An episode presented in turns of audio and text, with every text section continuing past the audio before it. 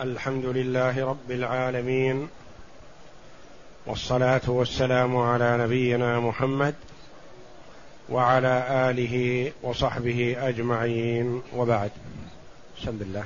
بسم الله الرحمن الرحيم. قال المؤلف رحمه الله تعالى فصل الضرب الثاني. الخوف الشديد مثل التحام الحرب والقتال ومصيره. يقول المؤلف رحمه الله تعالى فصل الضرب الثاني. تقدم لنا أن صلاة الخوف تصلى على كيفيات متعددة وأن الخوف على ضربين خوف غير شديد وخوف شديد. فالخوف غير الشديد لا يخلو إما أن يكون العدو تجاه القبلة أو على خلاف اتجاه القبلة. ولكل صفة من صفات صلاة الخوف. وهنا يتكلم المؤلف رحمه الله عن الضرب الثاني النوع الثاني من أنواع الخوف وهو الخوف الشديد. الخوف غير الشديد كما تقدم لنا أن يكون العدو من الكفار معسكر في مكان ما والمسلمون متاخمون له وأنه قد يكون بينهم وبين القبلة فيصلون وهم يرقبون العدو. وإما أن يكون العدو على اليمين أو على الشمال فيقسم الإمام الجماعة إلى قسمين. قسم يصلي مع الإمام وقسم يحرس المسلمين تجاه العدو.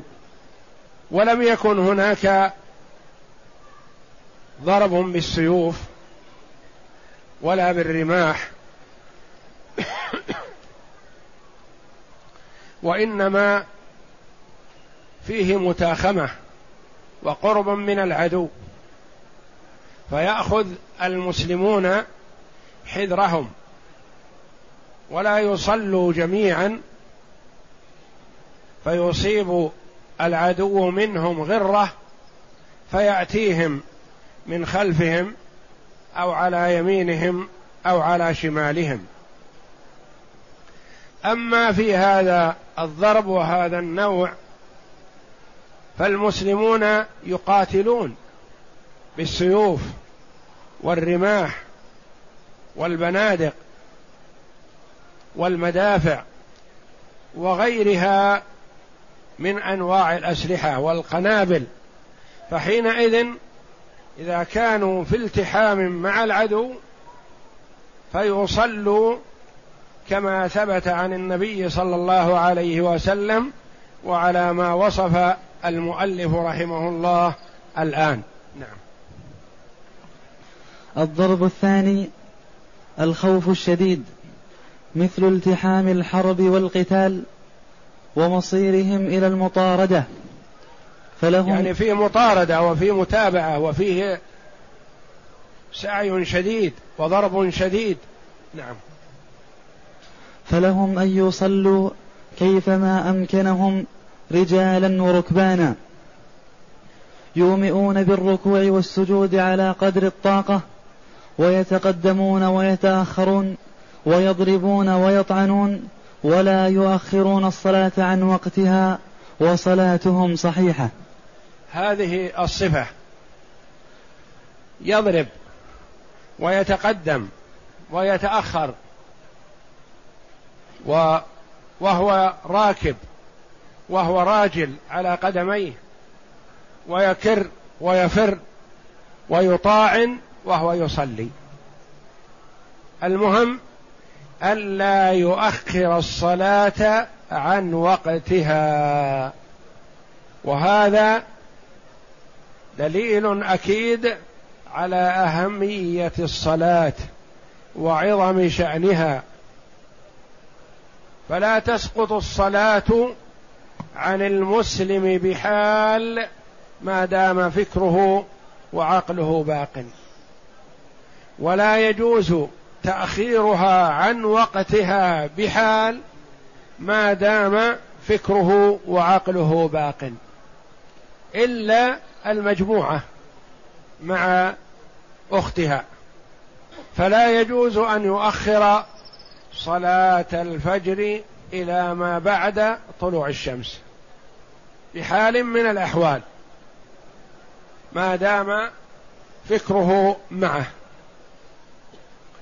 كما لا يجوز أن يؤخر صلاة العشاء إلى ما بعد طلوع الفجر. ولا يؤخر صلاة العصر إلى ما بعد غروب الشمس. ما دام في الوقت حتى وإن كان وإن أخرها إلى وقت الضرورة فلا بأس. يؤخرها إلى وقت الضرورة لكن لا يؤخرها عن وقت الضرورة. مثلا بدأوا القتال مع العدو عند زوال الشمس. وهذا هو الوقت الذي يحسن فيه بدء القتال عند الزوال.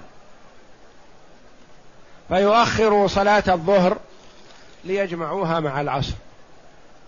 نعم. ويؤخر صلاة العصر إلى قبيل الغروب. فإذا حان وقت الغروب وقرب فيجب أن يصلي على أي حال. يبدأ الصلاة ويكر ويفر ويضرب ويطاعن ويركب وينزل وهو يصلي. ويؤمي ايماء بالركوع والسجود. وإذا لم يستطع الإيماء فيكون بالانتقال بالتكبير فقط. يكبر تكبيرة الإحرام ويقرأ الفاتحة ويضارب. ويقول الله أكبر وإن لم يركع. سبحان ربي العظيم. حال الركوع. ويقول سمع الله لمن حمده. ربنا ولك الحمد. ويقول الله أكبر سبحان ربي الأعلى. وهو واقف يضارب. ما دام العقل باق فلا يجوز تأخير الصلاة عن وقتها. يجوز تأخيرها لوقت الضرورة وقت الضرورة مثل العصر اصفرار الشمس. هذا وقت ضرورة لا يجوز التأخير إليه هو من الوقت لكن لا يجوز التأخير إليه إلا لضرورة. وقت العشاء وقتها إلى ما إلى طلوع الفجر. إلى نصف الليل الأول أو ثلث الليل الأول على الخلاف هذا وقت اختيار. ما بعد منتصف الليل وقت ضرورة. يجوز التأخير للضرورة لكن لغير ضرورة لا يجوز التأخير. وهاتان الصلاتان هما اللتان لهما وقت اختيار ووقت ضرورة. وأما المغرب فكل وقتها وقت اختيار والفجر كذلك والظهر كذلك. وإن هرب هربا مباحا من عدو أو سيل أو سبع أو نار لا يمكن التخلص إلا بالهرب أو كان أسيرا يخاف الكفار إن صلى أو مختفيا في موضع يخاف أن يظهر عليه صلى كيفما أمكنه قائما وقاعدا ومستلقيا إلى القبلة وغيرها بالإيماء في السفر والحضر.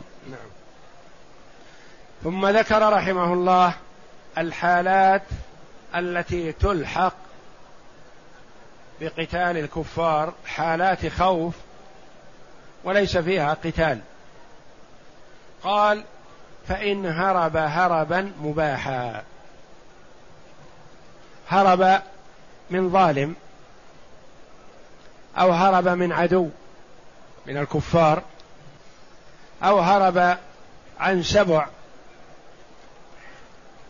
أو هرب عن نار لحقته أو هرب من سيل جارف ويخشى إن وقف يصلي أن يدركه السيل. أو تدركه النار أو يدركه العدو أو يدركه السبع ففي هذه الحال يصلي على حسب ما يستطيع. يكبر تكبيرة الإحرام ويتوجه إلى جهة سيره ويقرأ ويركع ويسجد بالإيماء وهو سائر مسرع في سيره وصلاته صحيحة. أو كان اسيرا يخاف الكفار إن صلى. أسره الكفار وهم ربما لا يعلمون عن حاله. فإذا رأوه يصلي عرفوا أنه مسلم فقتلوه. أو أسره الكفار ويعرفون أنه ينتمي للإسلام. لكن يتوقعون أنه مسلم بالاسم فيتركوه أو مسلم حقيقة فيقتلوه. ويستدلون على ذلك بالصلاة. إذا رأوه يصلي عرفوا أنه مسلم حقيقة فقتلوه. وإن رأوه لا يصلي قالوا هذا مسلم بالاسم فلا فائدة ولا يريدون قتله فيتركونه. ففي هذه الحال له أن يصلي بالإيماء بقلبه من دون أن يظهر يظهر للأعداء أنه يصلي. لأنه لو ركع وسجد واستقبل القبلة عرفوا أنه مسلم حقيقة فقتلوه. وإذا رأوه مضيع للواجبات الشرعية تركوه. فيتظاهر لهم كأنه لا يصلي ولا يعرف الصلاة ليسلم من شرهم فلا حرج عليه حينئذ يتكلم معهم بالكلام يقول إنه لا يعرف الصلاة وإنما أبوه وأمه مسلمان أو نحو ذلك وهو لا يعرف من الإسلام شيء وهكذا. ثم لا يتظاهر لهم بالصلاة. يصلي بقلبه ولسانه بدون أن يفعل شيء بجوارحه. أو أن يكون مختف عن الكفار في غار ونحوه. ويخشى إن جلس للصلاة أو قام للصلاة اطلعوا عليه فأتوه. فيصلي وهو مستلقي على حسب حاله. يكبر ويقرأ ويكبر ويركع بالركوع سبحان ربي العظيم. ويكبر ويقول سمع الله لمن حمد ربنا ولك الحمد. ثم يقول الله أكبر ويسجد. يعني يقول سبحان ربي الأعلى وهو على حالته. مستقبل القبلة وغير مستقبلها. أو كان أسيرا يخاف الكفار إن صلى أو مختفيا في موضع يخاف أن يظهر عليه. لو قام يصلي قائما لاطلعوا عليه فيصلي على حسب حاله. كيفما أمكنه؟ قائما إن أمكن أو قاعدا إن أمكن أو مستلقيا إذا لم يمكنه قائما ولا قاعدا. مستقبلا للقبلة وغير مستقبل للقبلة حسب الإمكان. بالإيماء بالإيماء برأسه ورقبته. إن أمكن وإلا فبالنطق فقط الانتقالات. وله هذا في السفر والحضر. حتى وإن كان أسر في مكان إقامته في بلاد الكفار وسجن فله أن يفعل ذلك حتى وإن كان مقيما غير مسافر. نعم. فإن أمن في صلاته أتمها صلاة آمن. وإن ابت... فإن أمن في صلاته أتمها صلاة آمن. إن أمن في صلاته. كأن يكون مثلا يصلي صلاة هارب من سبع. فسلط الله على هذا السبع شهاب من نار فأحرقه فقتله. فحينئذ يكمل صلاته على الوجه المشروع وعلى صفة صلاة الآمن. يصلي مستلقيا لأنه يراقب من قبل عدو. فكفاه الله شر ذلك العدو وهلك. فيقوم ويكمل صلاته ويبني على ما سبق. ولا يبطل صلاته لأن الله جل وعلا قال ولا تبطلوا أعمالكم. فيبني على ما مضى حتى لو صلى ثلاث ركعات في صلاة حضر وهو خائف ثم أمن في الركعة الرابعة فيتمها. وهكذا فإن أمن في صلاته أتمها صلاة آمن. ولا يقطعها ويقول أبدأ من جديد ولا يكملها على صفتها لأنه أمن. نعم. وإن ابتدأها آمنا فعرض له الخوف وأتمها صلاة خائف. فإن ابتدأها صلاة آمن. كأن يكون في مكان ما ما حوله أحد. وهو في بلاد الأعداء فيصلي قائم يركع ويسجد ويقرأ. ثم لاحظ عدو قد توجه إليه. فيصلي صلاة خائف. إذا كان استلقاؤه يجعله يختفي عن أعين الأعداء فيستلقي. وإذا كان جلوسه يجعله يختفي عن أعين الأعداء فيجلس ويصلي جالس يصلي مستلقي يصلي على جنب وهكذا. فإذا ابتدأ الصلاة آمنا ثم جد الخوف فيصلي صلاة خائف ولا حرج. نعم. لأنه بدأ لأنه يبني على صلاة صحيحة فجاز. كبناء صلاة المرض على صلاة الصحة.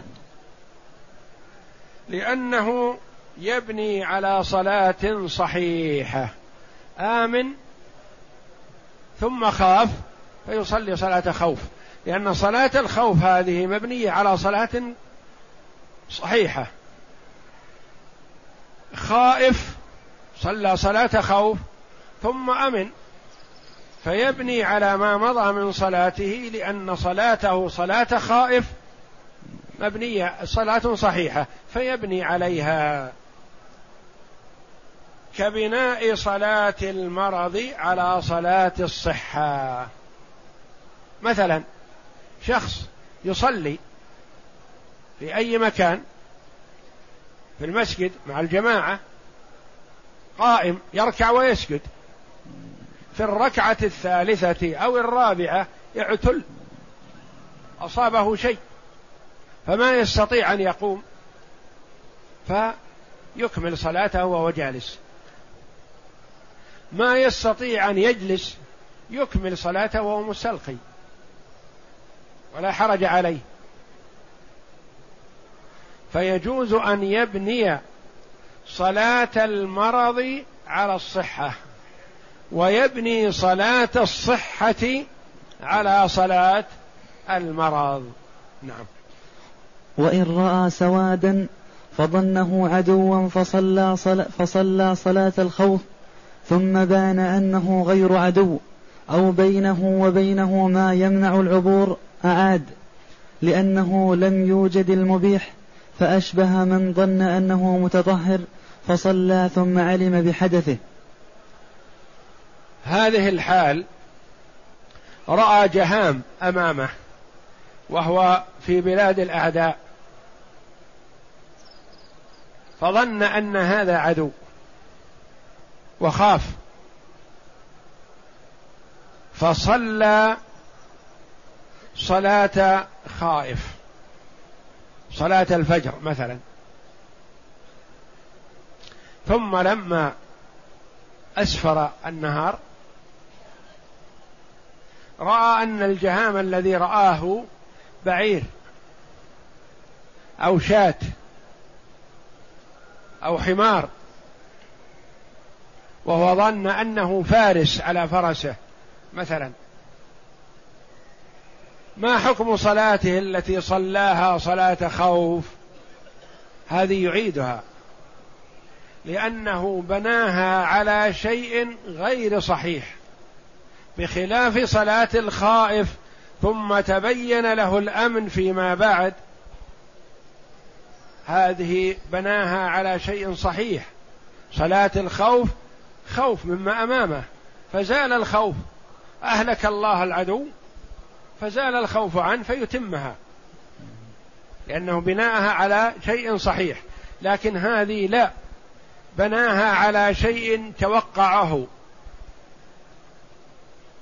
رأى بعيرا من بعد فظن أنه فارس على فرسه وقال إن تبينت في صلاتي أتاني فقتلني. فصلى صلاة خوف على أي صفة أمكنه. ثم في آخر الصلاة أو بعدما صلى وانتهى ووجد النور رأى أن هذا بعير. ليس معه أحد. فيكون بنى صلاته على شيء غير صحيح توهم. فنقول يعيد الصلاة. وقاس لنا هذا على من توقع أنه على وضوء. من ظن أنه على طهارة. ثم لما انتهت الصلاة تذكر أنه نقض الوضوء قبل الصلاة ولم يتوضأ. فهل تصح صلاته التي صلاها وهو محدث؟ لا. فكذلك هنا صلى صلاة خوف في غير خوف. خوف متوقع. أو صلى صلاة خوف وهو يراقب عدو من بعد. يراه. فصلى صلاة خوف وهو مستلقي حتى لا يراه العدو. ثم لما أسفر النهار وجد أن بينه وبين العدو نهر أو بحر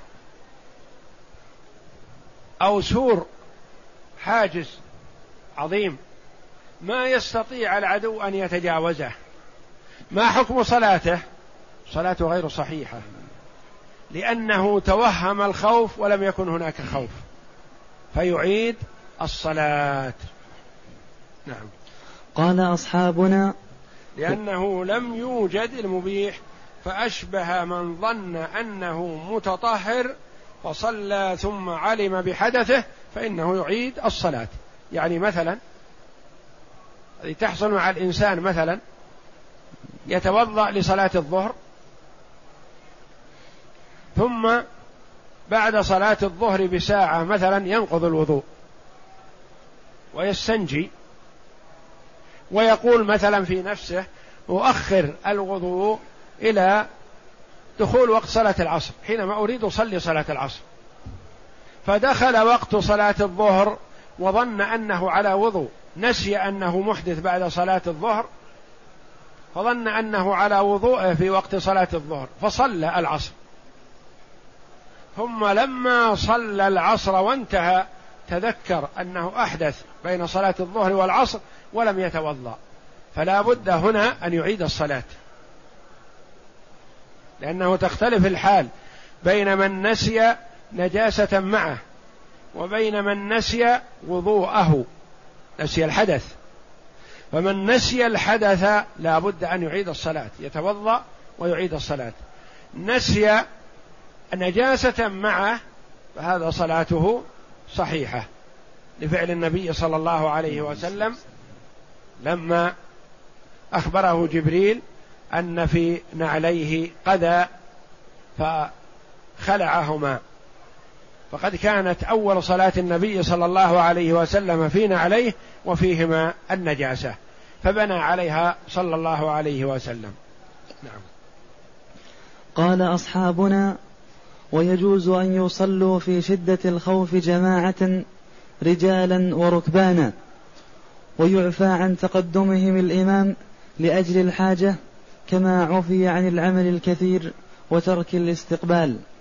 قال أصحابنا الفقهاء رحمهم الله ويجوز أن يصلي في شدة الخوف جماعة يعني له أن يصلي في شدة الخوف منفرد وحده من أجل أن يضبط تكبيره.